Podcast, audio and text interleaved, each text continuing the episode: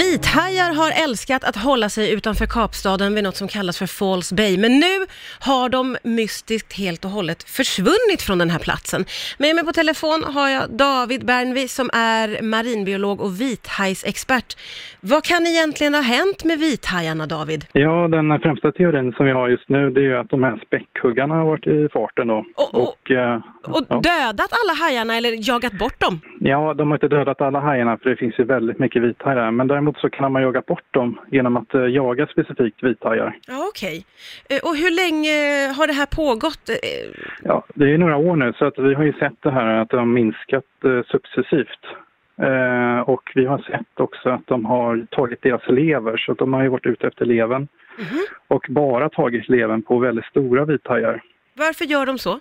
Ja, just levern är ju en reserv för energi hos eh, eh, vithajar. Och de jagar ju pälssälar där nere. Och det innebär ju att späckhuggarna, de bär på väldigt mycket energi just i... Nej, förlåt, vithajarna bär på väldigt mycket Mm. energi just i, i levern då. Ehm, så därför så är det intressant för späckhuggarna att äta de här Jaha. delarna. Okej, Eh, men vet man helt säkert att det rör sig om späckhuggarna eller kan det ha med något annat att göra också?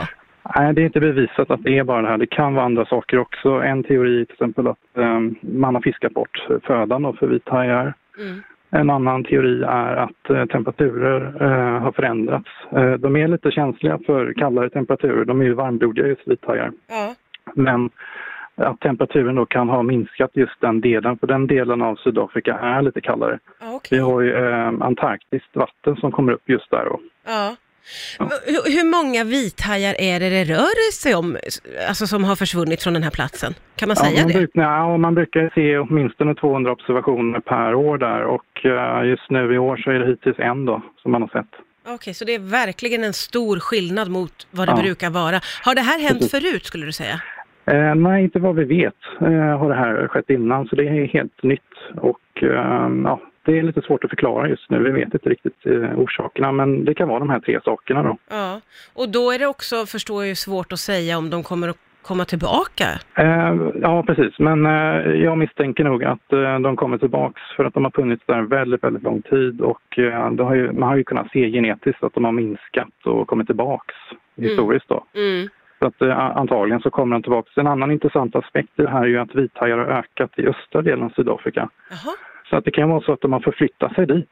Och i så fall skulle det vara på grund av att eh, vattenströmmarna har ändrats. Och det kan vara en, ehm, en orsak till det kan vara att eh, avsmältningen i Antarktis har ökat och då får vi mer kallt vatten, Ja, Okej. just den delen. Så de kan ha förflyttat sig för att Mm. det passar Ja. dem bättre på ett annat ställe helt enkelt. Ja, precis. För att där har observationerna ökat markant i eh, östra Kapprovinsen i Sydafrika, vid Mossel Bay till exempel. Ja, okej. Mm. Ja men vad spännande, jag förstår att ni fortsätter ju att hålla ett öga på det här. Tusen tack för att du var Ja. med på Rix FM. David Bernvi som är marinbiolog och vithajsexpert. Tusen tack! Ja, tack.